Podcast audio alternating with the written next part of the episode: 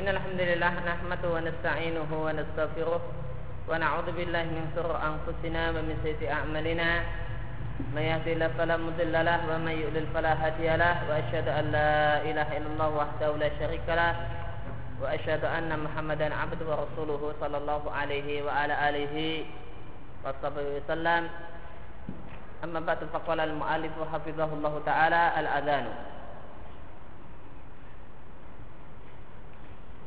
حكمه الأذان هو الإعلام بدخول وقت الصلاة بألفاظ مخصوصة. وهو واجب. عن مالك بن الحويرث رضي الله عنه أن النبي صلى الله عليه وسلم قال إذا حضرت الصلاة فليأذن لكم أحدكم وليؤمكم أكبركم. Fakat amarahu sallallahu alaihi wasallam bil adani wal amru lil ijabi kama huwa ma'lumun. Wa an Anas radhiyallahu anhu anna Nabiy sallallahu alaihi wasallam kana idza ghaza bina qauman lam yakun yarju bina hatta yusbiha wa. Fa idza sami'a adanan kaffa anhum wa yasma' adanan aghara alaihim.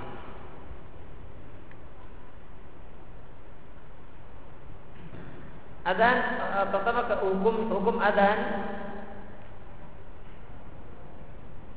Adan secara istilah maknanya adalah al-i'lam pemberitahuan tibanya atau masuknya waktu sholat.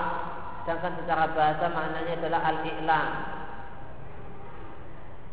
Maka adan secara istilah adalah pemberitahuan yang bersifat khusus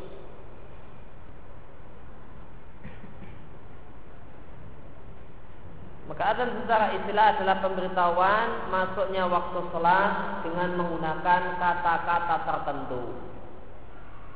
Wa wajibun dan hukumnya adalah wajib, yaitu wajibun kifaiyun, wajib kifayah,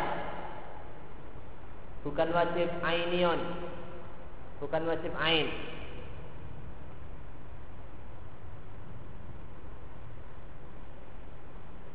Dalil wajibnya dan dalil kalau itu adalah wajib kifai bukan wajib aini.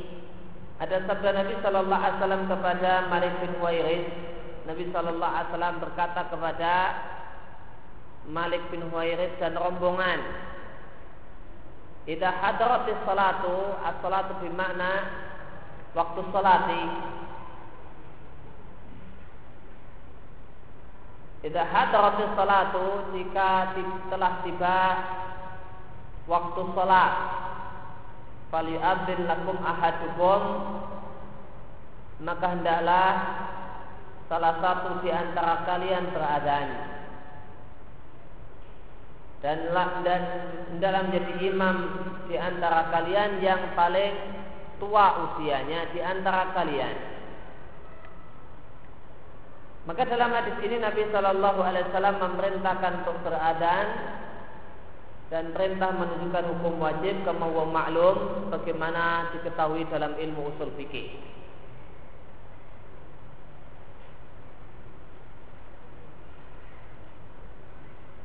Maka hadis ini dalil bahasanya ada hukumnya fardu uh, fardu kifai hukumnya fardu atau wajib karena fal yu'adzin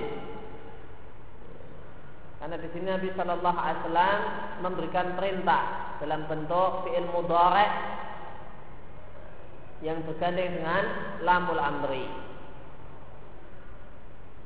Dan fiil mudhari yang bergandeng dengan lamul amri adalah min siyaril amri.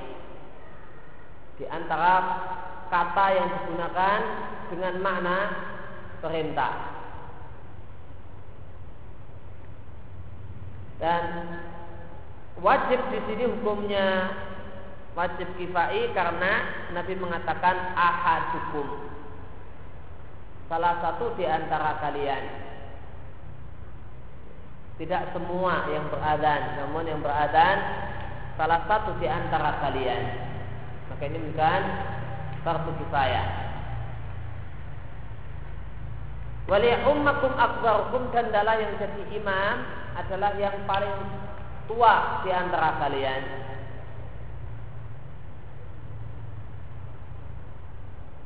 Kenapa di sini Nabi Shallallahu Alaihi Wasallam mengatakan yang paling tua di antara kalian? Padahal dalam hadis yang lain Nabi Shallallahu Alaihi Wasallam mengatakan ya umul kauma akrohum li kitabillahi. Yang jadi imam bagi sekelompok orang adalah akrohum likitabillahi. Yang paling banyak hafalannya dan yang paling mengerti tentang kitabullah, tentang Al-Quran.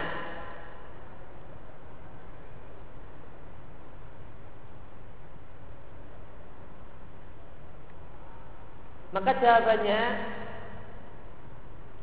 hadis Malik bin Huwairis ini berkaitan dengan rombongan kabilah dan sukunya Malik bin Huwairis yang datang ke Madinah untuk belajar Islam selama beberapa hari. Setelah itu kemudian setelah itu mereka kembali kepada kaumnya untuk berdakwah.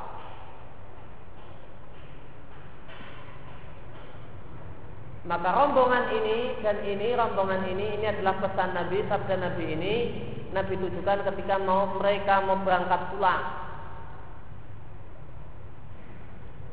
Maka pengetahuan agama mereka secara umum rata-rata sama.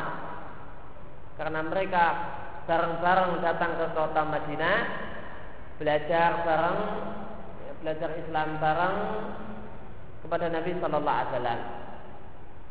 Maka secara umum bisa kita pastikan pengetahuan mereka sama. Karena mereka sama-sama pemula dan belajarnya juga bareng. Sama-sama dari nol semua. Maka secara umum pengetahuan mereka tentang Quran sama. Padahal di hadis ya umul kauma akrahum li kitabillah dan dikatakan yang jadi imam adalah yang paling mengerti tentang Al-Qur'an. Jika tentang Al-Qur'an sama, maka yang paling mengerti tentang sunnah. Jika tentang sunnah sama, maka yang paling dulu berhijrah. Padahal rombongan ini dalam tiga hal ini semuanya sama tentang pengetahuan tentang Al-Quran sama, pengetahuan tentang hadis atau sunnah sama, tentang masuk Islamnya juga sama.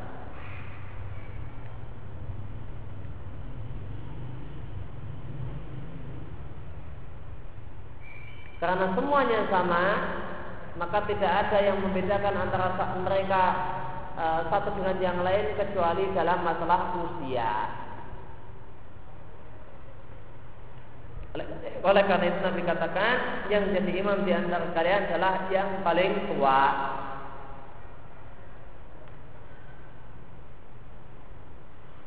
Maka hadis ini dalil menunjukkan bahasanya usia tua itu jadi tolak ukur, yang paling tua itu jadi tolak ukur untuk menjadi imam dalam sholat setelah faktor-faktor yang lain sama. Pengetahuan tentang Quran sama, pengetahuan tentang hadis sama, dalam masalah keislaman sama, sama-sama dari kecilnya sudah Islam, maka baru ketika semuanya sama, maka barulah yang terakhir dilihat usia. Inilah urutan yang benar dalam masalah penentuan imam sholat.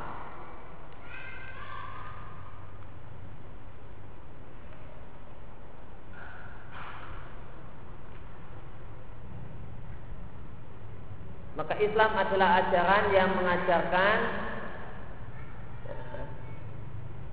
prinsip bahasanya unsur-unsur eh, profesionalis profesionalitas itulah yang diutamakan terlebih dahulu bukan masalah senioritas, masalah tua dan yang lainnya. Namun dilihat dari profesionalitasnya.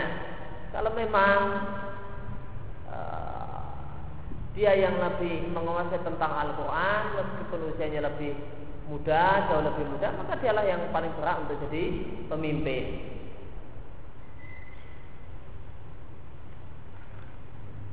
Senioritas itu nomor terakhir Masalah usia itu terakhir ketika semua unsur profesionalitas itu sama. Itu di antara pelajaran dari hadis wal ya ummakum akbarukum. Senioritas itu nomor kunci, nomor buntut. Dan yang jadi pokok adalah ya, nilai-nilai profesionalitas. Ketika semuanya sama dan tidak ada kelebihan kecuali dalam masalah senioritas dan usia, maka baru ketika itu senioritas dan usia dipertimbangkan. Namun itu terakhir setelah kemampuan ilmiah, ya, ya, semuanya sama.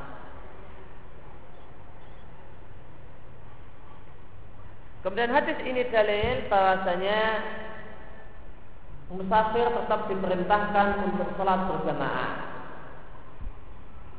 Karena sebagaimana tadi kita sampaikan, hadis ini Nabi tujukan kepada rombongan Malik bin Al-Huwairid ketika mereka hendak melakukan safar meninggalkan kota Madinah kembali ke kampung halaman mereka.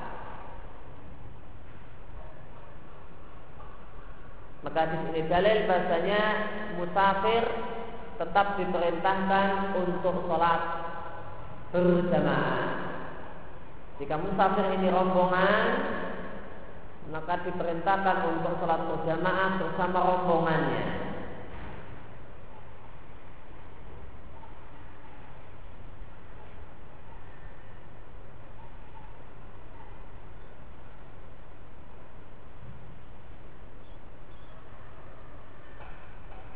Kemudian hadis ini berbicara tentang uh, azan yang syar'i. Azan yang syar'i adalah azan yang dikumandangkan setelah tibanya waktu sholat. Maka hadis ini dalil tidak boleh azan sebelum waktu sholat tiba. Meskipun satu menit sebelum sholat tiba, waktu sholat tiba, maka itu azan yang tidak benar dan ada azan yang tidak sah karena azan yang menyelisih apa yang diperintahkan oleh Nabi Sallallahu Alaihi Wasallam. Karena Nabi Sallallahu Alaihi Wasallam mengatakan, "Idah hadaratis salat." Dan maknanya adalah idah hadara waktu sholat jika telah tiba alias telah masuk waktu sholat. Fal yu'adzin. Maka dalam beradhan maka adzan yang Nabi perintahkan adalah setelah waktu sholat tiba. Dan adzan yang uh, dikumenangkan sebelum waktu sholat tiba adalah adzan yang tidak Nabi perintahkan. Dan ibadah yang tidak Nabi perintahkan adalah tertolak. Man amila amalan laisa ali amruna bahwa maka adzan sebelum waktu yang Nabi perintahkan adalah amal ibadah yang tidak Nabi ajarkan bahwa raddun ay mardudun. Maka itu adalah amal yang tertolak. Maka adzan yang dikumandangkan satu menit sebelum waktunya adalah azan yang tidak sah.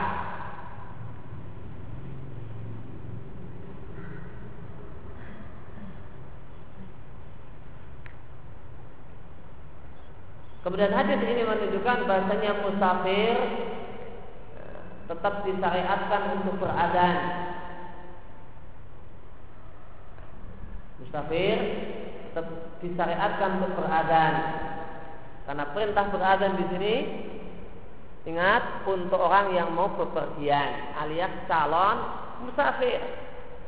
Dan Nabi katakan fal yu'adzin lakum ahadukum. Maka musafir tetap diperintahkan untuk beradzan. Kemudian hadis berikutnya hadis dari Anas Nabi Shallallahu Alaihi Wasallam Anak Nabi Sallallahu Alaihi Wasallam dengan Nabi Sallallahu Alaihi Wasallam idal goza jika berperang Dina bersama kami memimpin perang jadi panglima perang memerangi kaum sekelompok orang maka Nabi tidak akan berperang bersama kami hatta yusbiha sampai menunggu waktu subuh tiba. Ketika waktu subuh tiba yang dur maka Nabi melihat maka Nabi menunggu. Fa in sami'a adanan jika Nabi mendengar suara adzan kafa'anhum maka Nabi menahan diri dan tidak menyerang kampung tersebut.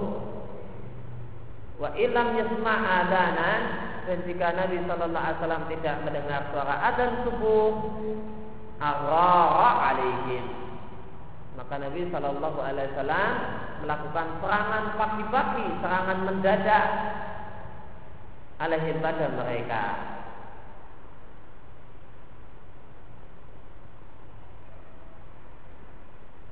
Maka hadis ini dalil bahwasanya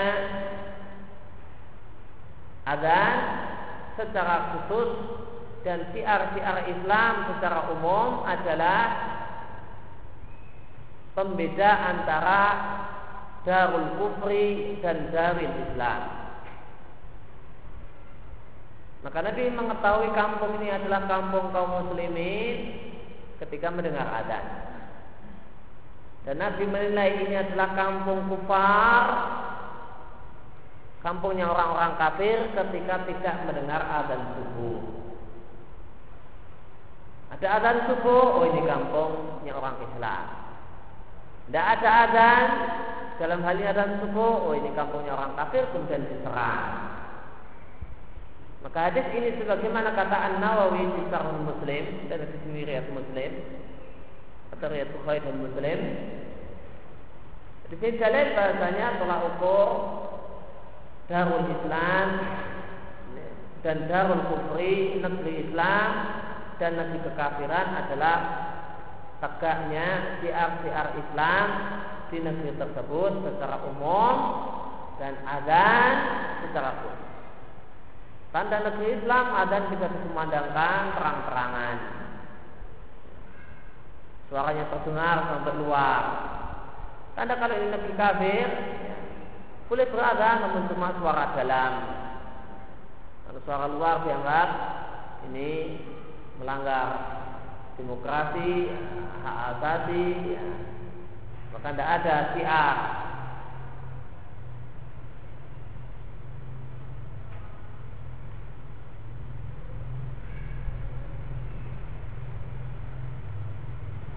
Kemudian hadis ini menunjukkan waktu yang Nabi sukai untuk berperang. Ya. Nabi menyukai berperang di waktu pagi dengan serangan tiba-tiba, serangan fajar. Itu waktu berperang yang Nabi sukai karena musuh dalam kondisi tidak siap. Baru bangun tidur atau masih tidur. Senjatanya di mana, pedangnya disimpan di mana?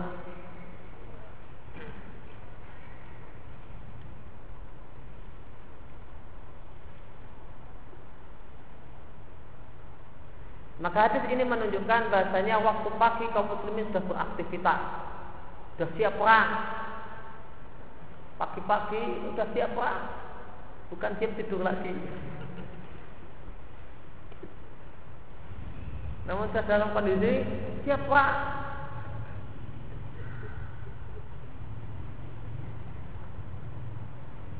Maka waktu pagi adalah waktu yang dimanfaatkan oleh kaum muslimin untuk beraktivitas. Bahkan dinilai waktu yang tepat dan waktu tepat.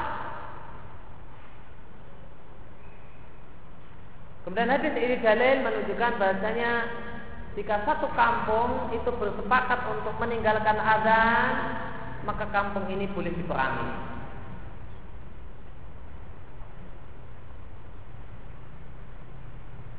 Demikian dikatakan oleh para fukuha dan secara umum para fukuha mengatakan satu kampung yang bersepakat untuk meninggalkan salah satu siar-siar Islam yang zahir ya, salah satu syiar-syiar Islam ya, yang terang, yang jelas, maka penduduk kampung ini berhak untuk diperangi oleh pemerintah kaum muslimin.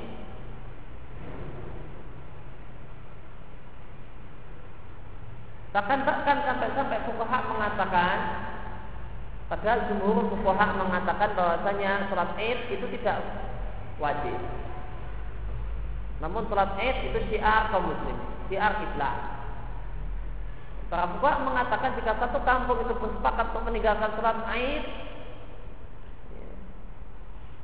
maka pemerintah hendaknya memerangi kampung ini sampai mereka menegakkan sholat Id. Maka yang jadi tolak ukur adalah syiar yang zahir eh, dan bukan uh, wajib dan tidaknya. Maka satu perkampungan yang meninggalkan sepakat untuk meninggalkan uh, syiar Islam yang zahir semacam adzan, uh, sholat Id, maka kampung ini dalam aturan hukum Islam berhak untuk diperangi diingatkan dengan keras ngeyel tetap nggak mau sampai harus diturunkan batalion atau satu kompi pasukan ya maka ya, diturunkan pasukan bersenjata untuk memaksa mereka agar menegakkan siar Islam yang zahir.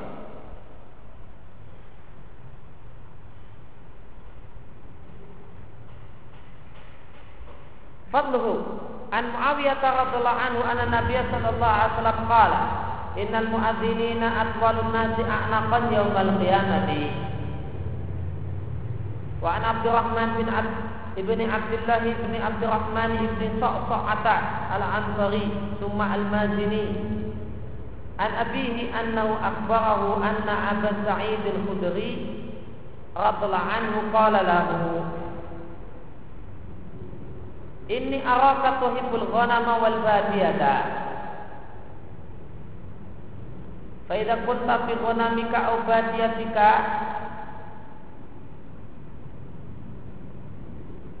Fa'adan tapi salati farfa' sautaka bin nidai. Fa innahu la yasma'u muda sautil mu'adzini Sinnun wala inzun wala syai'un Ila syahidan lahu yawmal qiyamati. Qal Qala Abu Sa'idin sami'tuhu min Rasulillahi sallallahu alaihi wasallam.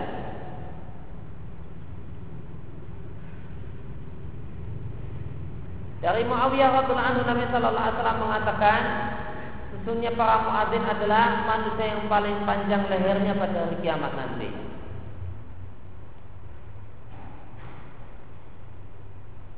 Kemudian dari Abdurrahman bin Abdullah bin Abdurrahman bin Abi Sa'sa'ah Al-Ansari Summa Al-Mazini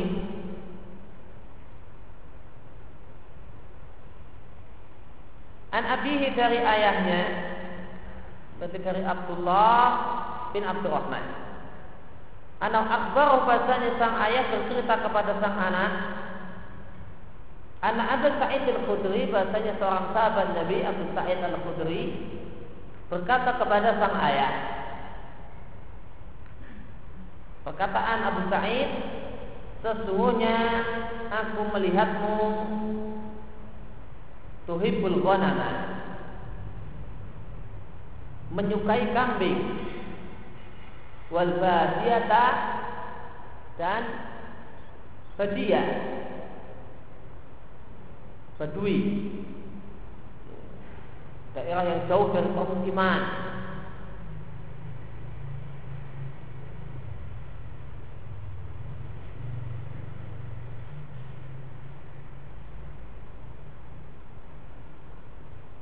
Maka hadis ini menunjukkan bahasanya manusia bisa jadi mencintai kambing.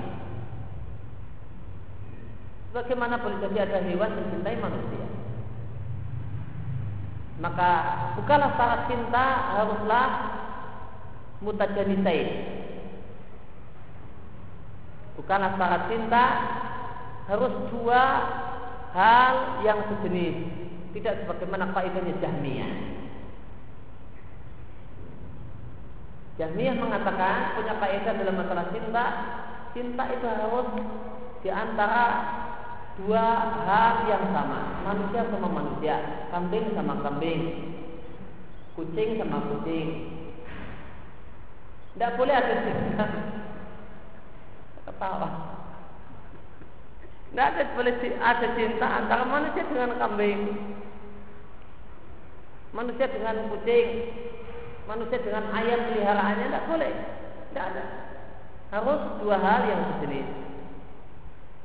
Oleh karena itu, karena mereka punya kaidah ini, dan ini kaidah buatan sendiri, dengan kaidah ini mereka mengatur Allah. Oleh karena itu, Allah tidak mencintai dan tidak dicintai. Allah tidak mencintai manusia dan manusia tidak mencintai Allah. Kenapa? Karena ini menyelisih kaidah. Kaidah buatan sendiri. Karena ini menyelisih kaidah. Kaidah yang mereka buat, cinta hanya ada pada dua benda sejenis. Ini harga mati manusia sama manusia. Tidak bisa manusia dengan benda mati. Nggak bisa manusia dengan binatang. Nah kalau manusia mencintai Allah, ah, itu beda jenis. Allah mencintai manusia, beda jenis, nggak boleh. Dan dengan kaidah yang mereka buat ini, maka mereka tahrif ayat. Mereka tahrif dalil.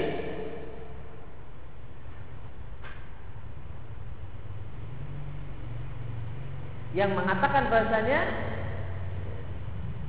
Manusia bisa mencintai Allah dan Allah mencintai manusia. Mayar tatat minku antini faya fasafa yaqilahu bi qaumin yuhibbuhum wa yuhibbuna. Maka Allah akan datangkan sekelompok orang Allah mencintai mereka dan mereka mencintai Allah. Nah tegas Allah mencintai dan dicintai. Mencintai hambanya dan hambanya mencintai Allah subhanahu wa ta'ala. Maka nas mengatakan, dalil mengatakan Allah yuhibbu wa yuhabbu. Allah mencintai dan Allah dicintai. Dan Jahmiyah mengatakan Allah la yuhibbu wa la yuhabbu. Ya, sama persis kebalikannya. Allah mengatakan yuhibbu wa yuhibbuna. Allah mencintai hambanya manusia dan mereka manusia mencintai Allah. Maka Allah mencintai dan dicintai. Jahmiyah mengatakan Allah men tidak mencintai dan tidak dicintai.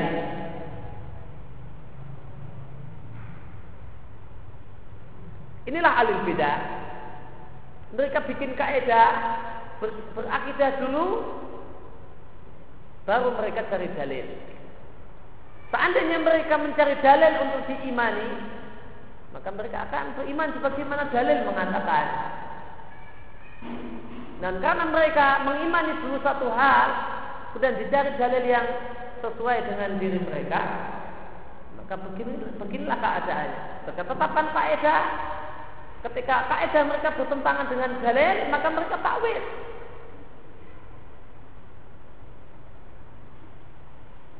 Mereka katakan, dan ini katakan ayat tadi itu majah.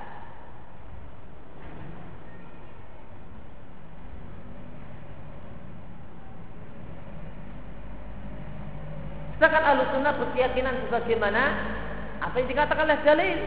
Dalil mengatakan Allah mencintai dan dicintai, maka ahlu sunnah mengatakan Allah mencintai dan dicintai. Bagaimana dengan kaidah Jahmiyah?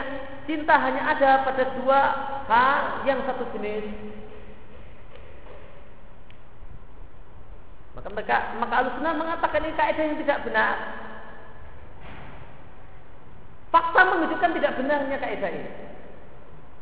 Sebelum dalil.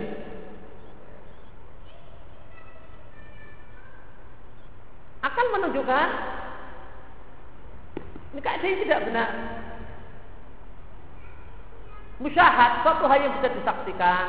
Orang punya binatang piaraan, kemudian dia punya rasa cinta dengan binatang piaraannya. Ada orang cinta dengan ayam peliharaannya, ada orang cinta dengan kucing kesayangannya. Ada orang cinta dengan anjing meskipun ini, ini uh, mimba bin syahid dari sisi dalil antara ada cinta, ini ada cinta. Lain lagi e, tentang apakah boleh melihara anjing kan lain. Maka kita bicara tentang masalah dua jenis, beda jenis bisa saling mencintai.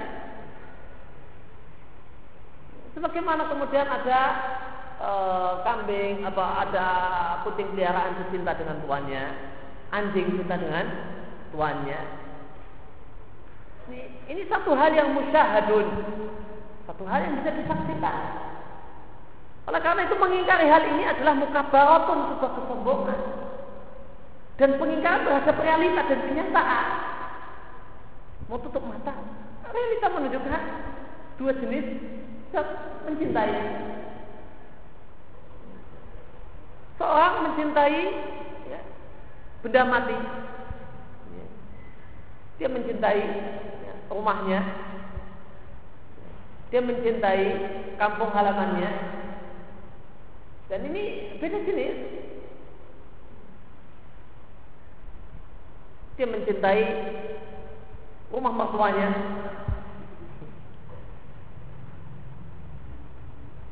dan seterusnya. Ini satu hal yang ma'ruf dan ini satu hal yang tidak bisa diingkar dalam hati manusia, dalam diri manusia. Maka realita, realita menunjukkan mungkin terjadi cinta di antara dua jenis yang berbeda. Dan di antara dalil yang menunjukkan hal tersebut, kalau kita mau pakai dalil nakli, maka hadis yang kita baca. Ini arafta tuhibbul ghanama. Sesungguhnya aku melihatmu mencintai kambing. Suka dengan kambing, cinta dengan kambing. Manusia dengan kambing punya rasa cinta.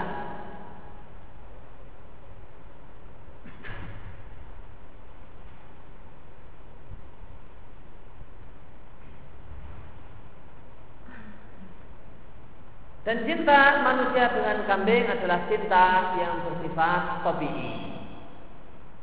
Cinta alami. Cinta yang normal. Oleh karena itu maka Amal ibadah itu ada dua macam. Ada amal ibadah yang tidak mungkin kecuali berstatus ibadah. Sehingga jika diberikan kepada selain Allah maka hukumnya adalah kemusyrikan.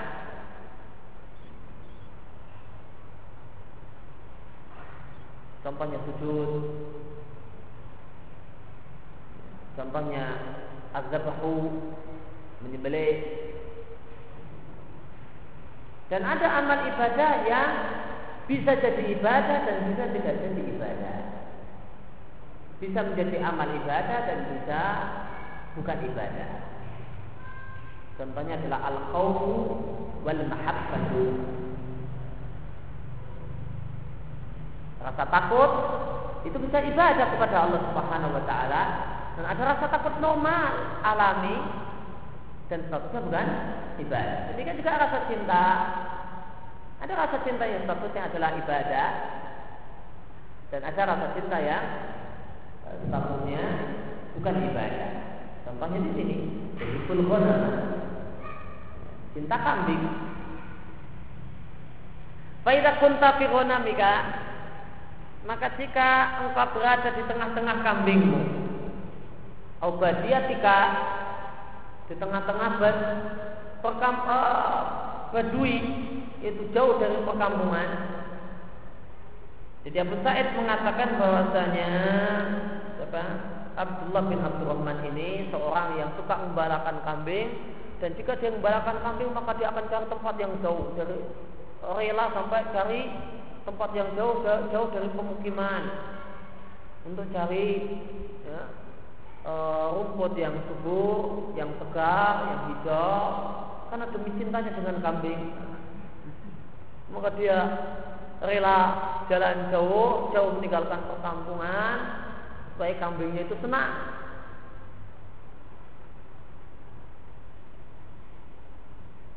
Maka jika engkau fironamika di tengah-tengah eh, tengah-tengah kambingmu atau badiatika tempat yang jauh di padang gembalaanmu yang jauh dari perkampungan.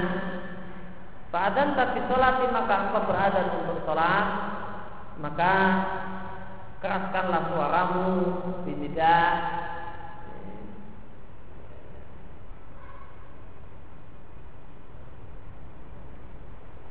ketika berazan tidak di sini azan kenapa? Fa innahu la yasma'u maka dia tidaklah mendengar mada sautil muadzin sejauh suara muadzin jinun wala insun.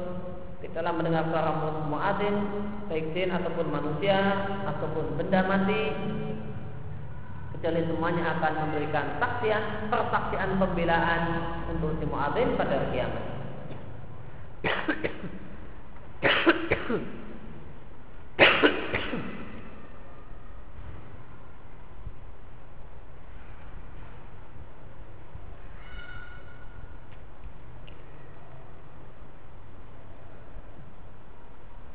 Kemudian Abu Sa'id mengatakan aku mendengar ya, perkataan ini dari Rasulullah Sallallahu Alaihi Wasallam.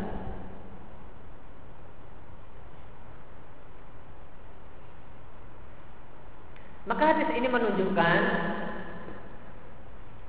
di antara fawaid atau kandungan hadis ini, hadis ini menunjukkan orang yang sholat sendirian itu masuk untuk tetap berada.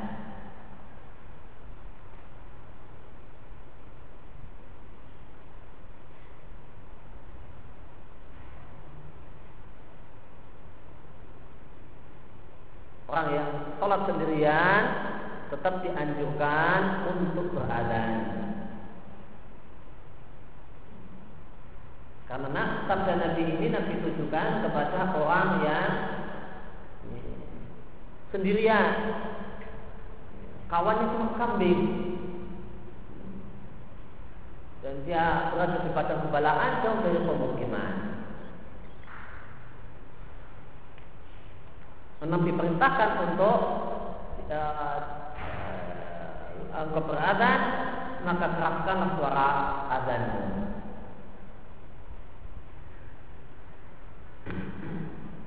Maka orang yang sholat sendirian berdasarkan hadis ini tetap masroh, tetap disyariatkan, dianjurkan untuk beradzan. Ya. Dan jika uh, tempatnya adalah bukan daerah pemukiman ketika dia sholat sendirian tersebut maka dia di, diperintahkan untuk berazan dengan suara. Adapun orang yang sholat sendirian di, di pemukiman dan di situ sudah sudah ada adzan. Dan maka pokok adzan adalah pemberitahuan waktu sholat. Nah, maka seandainya dia mau beradaan maka bisa beradaan namun tidak perlu keras-keras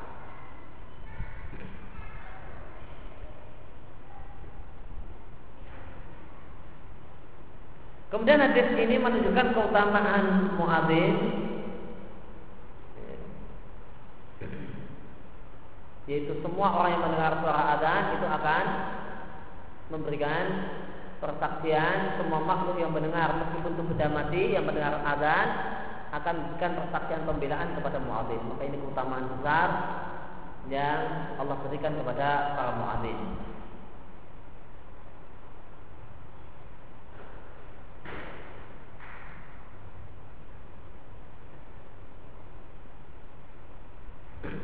Kemudian hadis ini menunjukkan diperintahkannya bersuara yang keras dan lantang dalam beradan.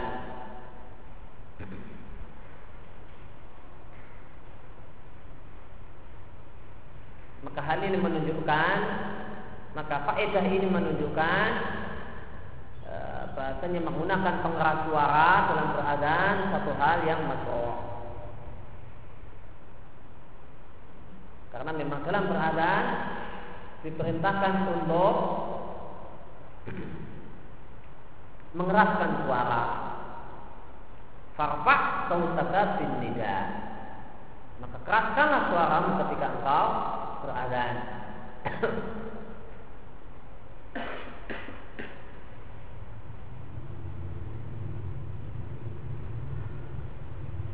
Maka untuk berazan diperintahkan, dianjurkan untuk memperkeras suara.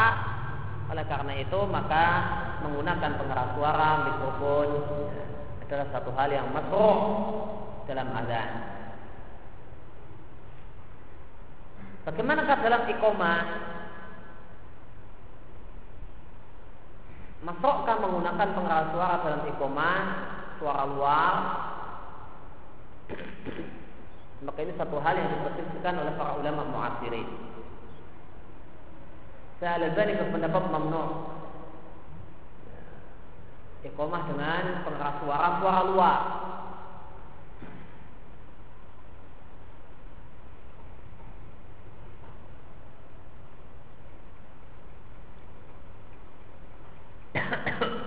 Alasan beliau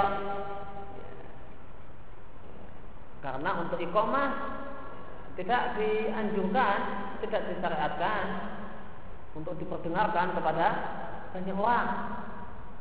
Nah, karena itu iqamah di zaman Nabi itu di dalam masjid berbeda dengan adzan. E, maka Bilal keluar dan cari tempat yang tinggi untuk berazan. Maka hal ini menunjukkan ya, e, tidak perlunya iqamah dengan suara luar, mikrofon suara luar.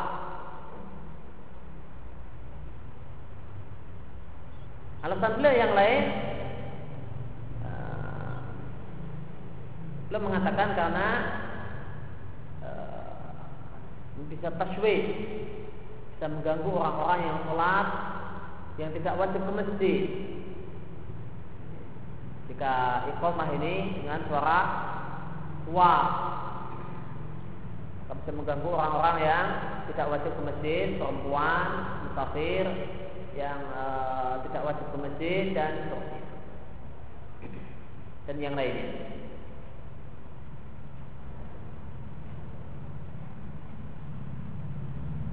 Ini pendapat Al-Albani tentang masalah ini. Demikian juga beliau mengatakan tidak makrohnya dan tidak terlarangnya menggunakan pengeras suara untuk uh, atau imam. Tapi maksudnya untuk pengeras suara yang suara luar. Bacaan sholatnya imam sudah dikeraskan dengan uh, suara luar. Maka ini hukumnya sama dengan uh, iqamah itu terlarang.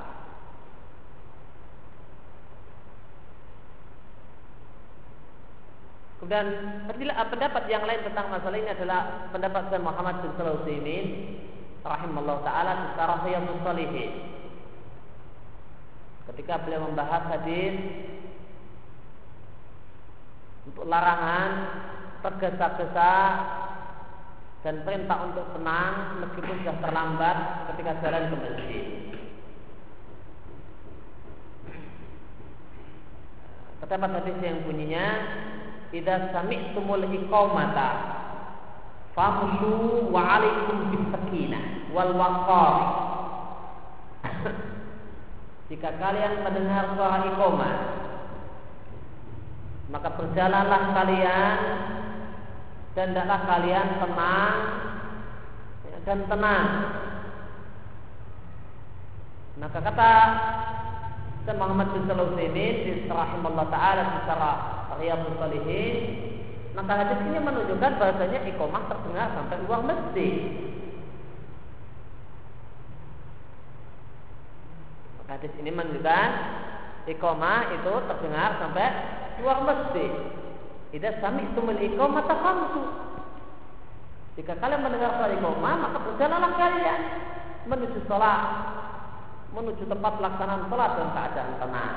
Maka zahir hadis menunjukkan bahasanya iqamah itu terdengar sampai luar. Maka ini dalil, kita katakan dalil, bolehnya menggunakan pengeras suara-suara luar untuk iqamah.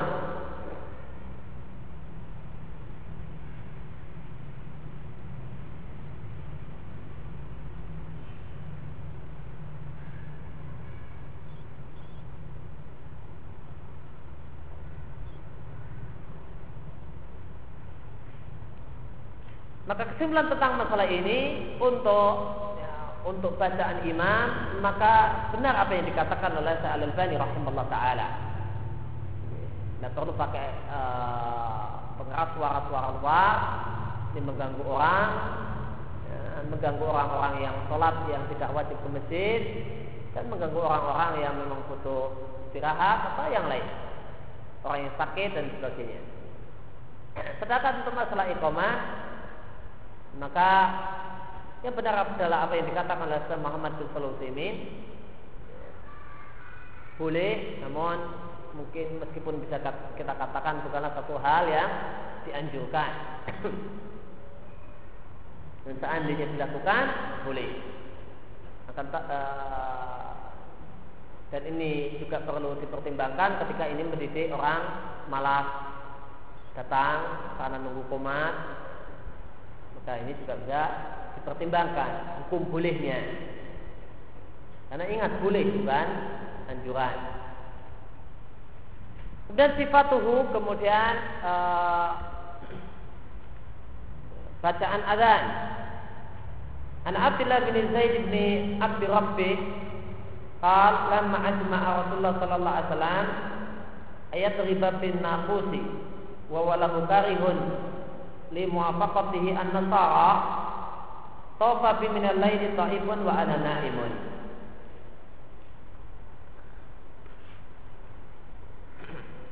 Dari Abdullah bin Zaid bin Abdul Rabbi beliau mengatakan ketika Nabi Shallallahu Alaihi Wasallam berniat ah, jemaah di sini artinya adalah nawa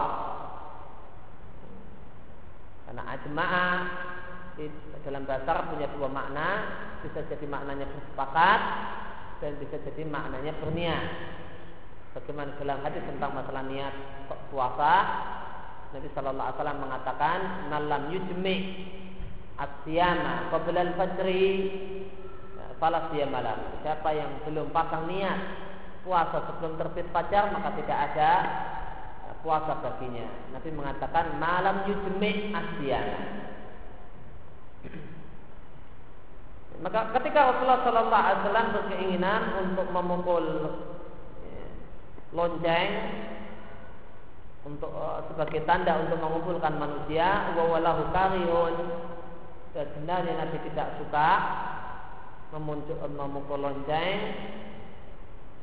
Kenapa? Li muwafaqatihin nasara. Karena memukul lonceng itu berarti mencocoki atau menyerupai Nasrani Tofabi minalaini maka di waktu malam Tofabi ta'ibun ada seorang yang berkeliling-keliling wa ana naimun dan aku dalam keadaan tidur. Artinya mimpi. Aku mimpi ada orang keliling-keliling bawa lonceng. Rajulun alaihi saubani afdarani wa fi yadihi nafusun yahmiluhu. Maka ada berkeliling-keliling seorang yang mengenakan dua pakaian yang berwarna hijau dan di tangannya ada lonceng yang dia bawa. Fakultu ya Abdullahi atabi'un nafusa? Kalau matasna'u bihi? Qal kuntu bihi ila salati Qal afala aduluka ala khairin min dalika Fakultu bala Qal takulu Allahu Akbar Allahu Akbar Allahu Akbar uh, Allahu akbar Allahu akbar asyhadu an la ilaha illallah asyhadu an la ilaha illallah asyhadu anna muhammadar rasulullah asyhadu anna muhammadar rasulullah hayya 'ala salati hayya 'ala salah hayya 'alal falahi hayya 'alal falahi Allahu akbar Allahu akbar la ilaha illallah Kemudian aku berkata kepada orang tersebut, wahai hamba Allah. Abdullah di sini bukan nama orang, namun nama memanggil orang yang tidak dikenal. Wahai hamba Allah, apakah engkau menjual lonceng tersebut? Dia bertanya, apa yang akan kau lakukan dengan lonceng? Katakan, aku akan mengajak manusia, menyuruh manusia, memanggil manusia dengan lonceng tersebut untuk mengerjakan sholat. Maka orang tersebut mengatakan, maka aku kepadamu yang lebih baik daripada pakai lonceng. Dan aku katakan iya. Kal kemudian dia mengatakan takulu adalah engkau katakan dengan lafaz azan yang uh, kita kenal.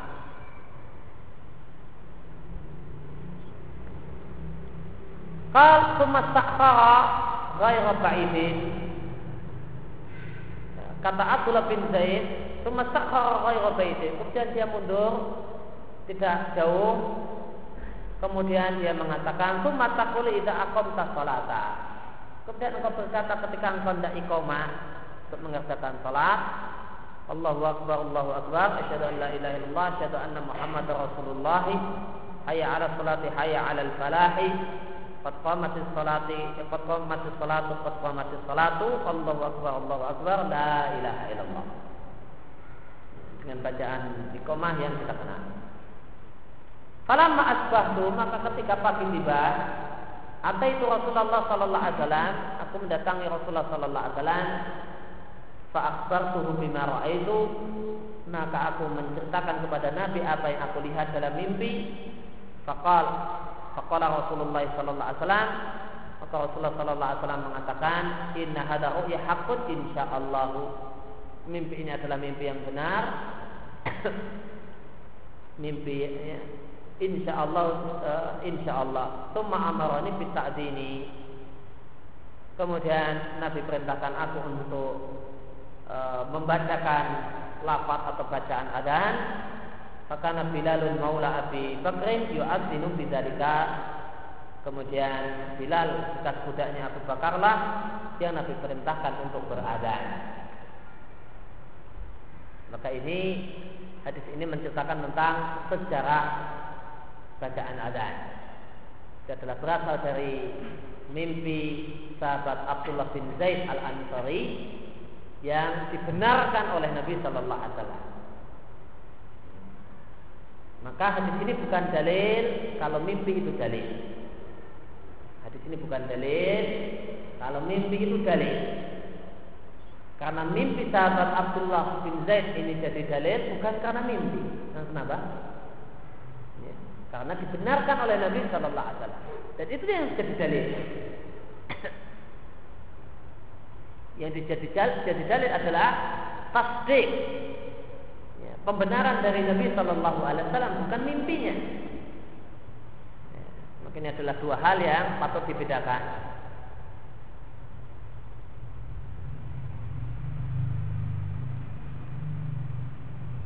Maka mimpi sahabat di sini dipastikan ini adalah mimpi datang dari Allah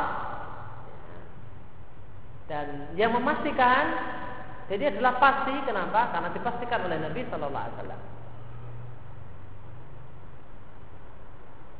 Kemudian hadis ini menunjukkan ya, larangan muafaqatul kufar mencocoki orang kafir dalam ciri khas mereka Termasuk di antaranya adalah Nasrani.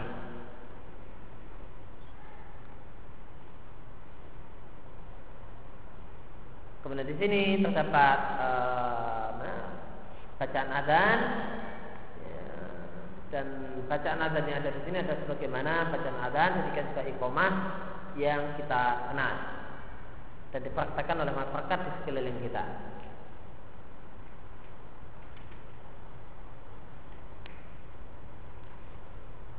Dan ini adalah bacaan adzan model pertama. Karena bacaan adzan dan iqamah itu memiliki beberapa model yang semuanya berasal dari Nabi Shallallahu Alaihi Wasallam. Dan mengamalkan semuanya adalah benar karena ini adalah termasuk ikhtilaf tanawu perbedaan itu ada dua macam sebagaimana dikatakan oleh Syekhul Islam di Iqtisad Siratal Mustaqim ada namanya ikhtilaf tanawu. Perbedaan variatif. Perbedaan variasi. Maka ikhtilaf tanawu ini semuanya benar. Karena itu adalah semuanya berasal dari Nabi. Dan itu variasi yang Nabi ajarkan. Contoh ikhtilaf tanawu adalah ikhtilaf perbedaan dalam masalah bacaan adan bacaan tasyahud akhir atau bacaan tasyahud, bacaan selawat, bacaan doa iftitah dan yang lainnya. Yang semuanya berasal dari Nabi, maka mengamalkan semuanya adalah satu hal yang boleh. Kemudian yang kedua adalah ikhtilaf tadad. Ya, perbedaan kontradiktif. Ini adalah perbedaan dalam masalah hukum. Satu ulama ini mengatakan hukumnya boleh, satu lagi mengatakan hukumnya wajib. Maka ini perbedaan kontradiksi. Maka dalam kondisi ini eh, kewajiban penuntut ilmu untuk mempelajari dalil-dalil masing-masing dari kedua belah pihak dan memilih mana yang dinilai paling dekat dengan dalil. Dan jika tidak mampu, maka wajib taklid. Ya, dengan ulama yang dianggap yang paling dia mantepi ilmunya, ya, dan jika dia bingung, maka dia bisa bertanya kepada ustadz yang atau guru ngajinya yang dia percaya untuk mintakan dipilihkan manakah yang kuat dalam masalah ini. Kemudian istighfar jam ilmu adimi baina kulli takbirataini fi nafasin. Bab tentang dianjurkan muadzin itu mengumpulkan dua takbir dengan satu nafas. Artinya bacaan yang tepat, tapi ini istighfar tidak wajib. Adalah Allahu Akbar, Allahu Akbar. Bukan Allahu Akbar berhenti, kemudian Allahu Akbar berikutnya. Namun dua takbir sinafasin dengan satu nafas. Artinya dua takbir tersebut disambung. Allahu Akbar, Allahu Akbar. Bukan Allahu Akbar berhenti kemudian Allahu Akbar. An Umar bin Al-Khattab radhiyallahu anhu qala qala Rasulullah sallallahu alaihi wasallam idza qala al-muadzinu Allahu akbar Allahu akbar Faqala ahadukum Allahu akbar Allahu akbar. Thumma qala asyhadu an la ilaha illallah qala asyhadu an la ilaha illallah. Al hadits. Fa fi isaratun zahiratun ila anna al muadzina yajma'u baina kulli takbirataini wa anna sami'a yujibuhu kadzalika.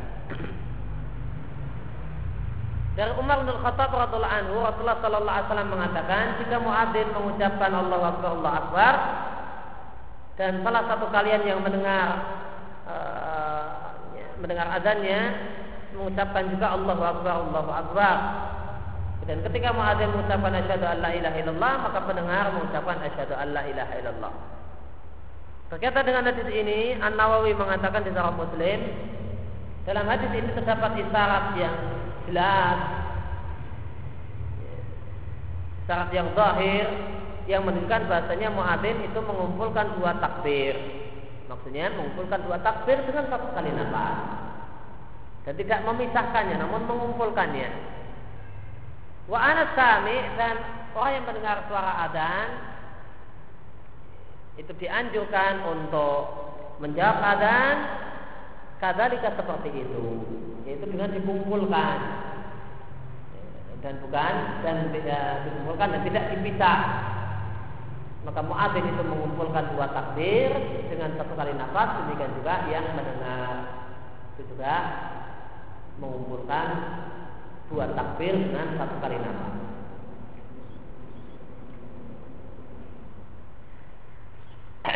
Istighfar tarji'i anjuran untuk tarji.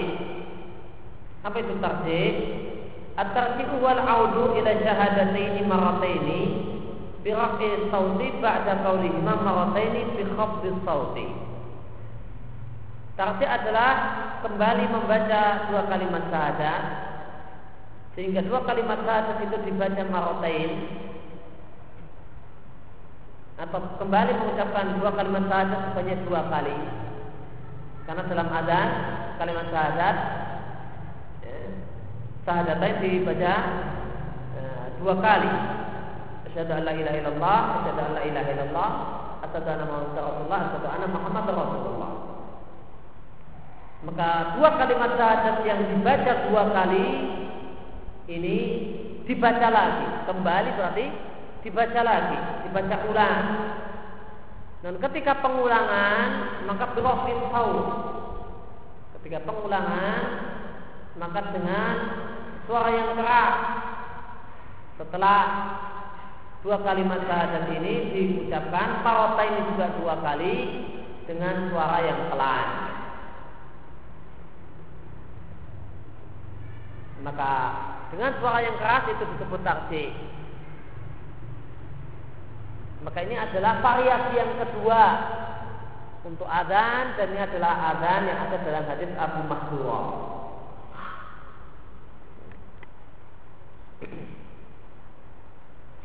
Maka berdasarkan model adzan, berdasarkan hadis Abi Mahdura, maka setelah muadzin itu mengucapkan takbir, kemudian dia mengucapkan takbir dengan suara keras dan lantang, maka setelah itu dia membaca syahadat dengan suara lirik. Dua syahadat, syahadat la ilaha illallah, syahadat Muhammad Rasulullah dengan lirik. Ya, kalau bahasa sekarang ya terdengar di dalam masjid saja. Setelah itu dia baca lagi dua kalimat syahadat dengan dua dengan suara keras, yaitu dengan mik. Maka e, membaca dua kalimat syahadat dengan keras setelah lirik, ini disebut tarsiyah.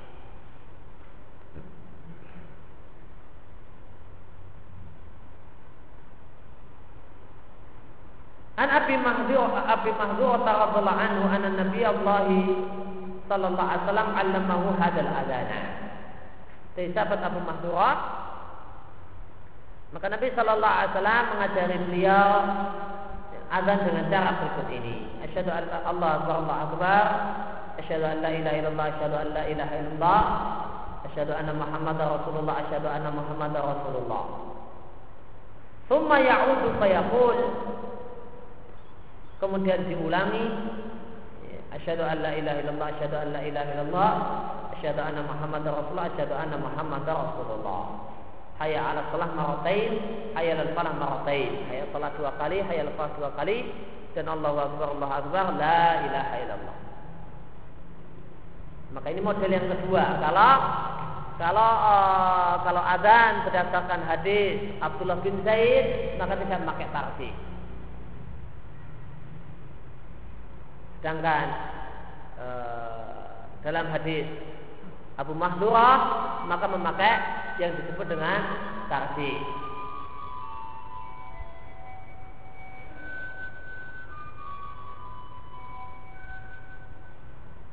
Maka berdasarkan kaidah tentang masalah ikhtilaf tanawuk ya, berdasarkan kaidah tentang ikhtilaf tanawuk maka orang beradhan dengan adanya e, hadis uh, Abdullah bin Zaid uh, boleh sebagaimana orang uh, mau mengambil uh, bacaan azan sebagaimana hadis Abi Mahdurah juga boleh. Namun pendapat yang dipilih oleh penulis adalah mengambil tambahan ya, adalah menganjurkan untuk mengambil tambahan yang ada dalam hadis Abu Mahdurah. Tidak kemudian diamalkan sendiri-sendiri. Dan kalau pendapat penulis, penulis buku ini adalah mengambil tambahan yang ada dalam hadis Abi Mahdur dan dibawa ke hadis Abdullah bin Zaid.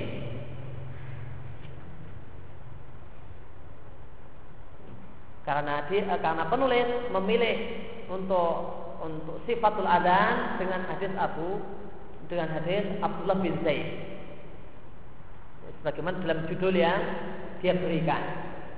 Sifat tubai sifatul adhan kemudian dia mengatakan istibah sih maka ini menunjukkan pendapat penulis tambahan yang ada adalah tambahan tarsih yang ada dalam hadis Abi Mahdurah hendaknya dimasukkan ditambahkan ke hadis ke bacaan adan yang ada dari hadisnya Abdullah bin Zaid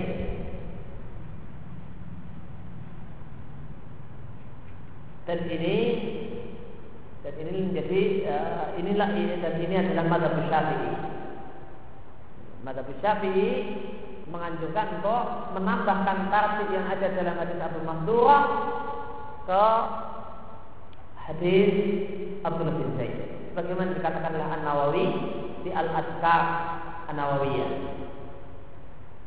Beliau menganjurkan ke tarjih itu dimasukkan, ditambahkan kepada hadis Abdullah bin Zaid. Sedangkan Imam Ahmad rahimahullah taala beliau mengatakan berkaitan dengan masalah ini eh, dalam masalah azan terdapat banyak sifat, banyak bacaan. Siapa saja yang mengamalkan salah satu darinya maka dia telah aku bersunnah, dia telah sesuai dengan sunnah. Kalau Imam Ahmad tidak dimasukkan hadis Abu Mahdura itu ke uh, ke hadis Abdullah bin Zaid, dia amalkan sendiri-sendiri.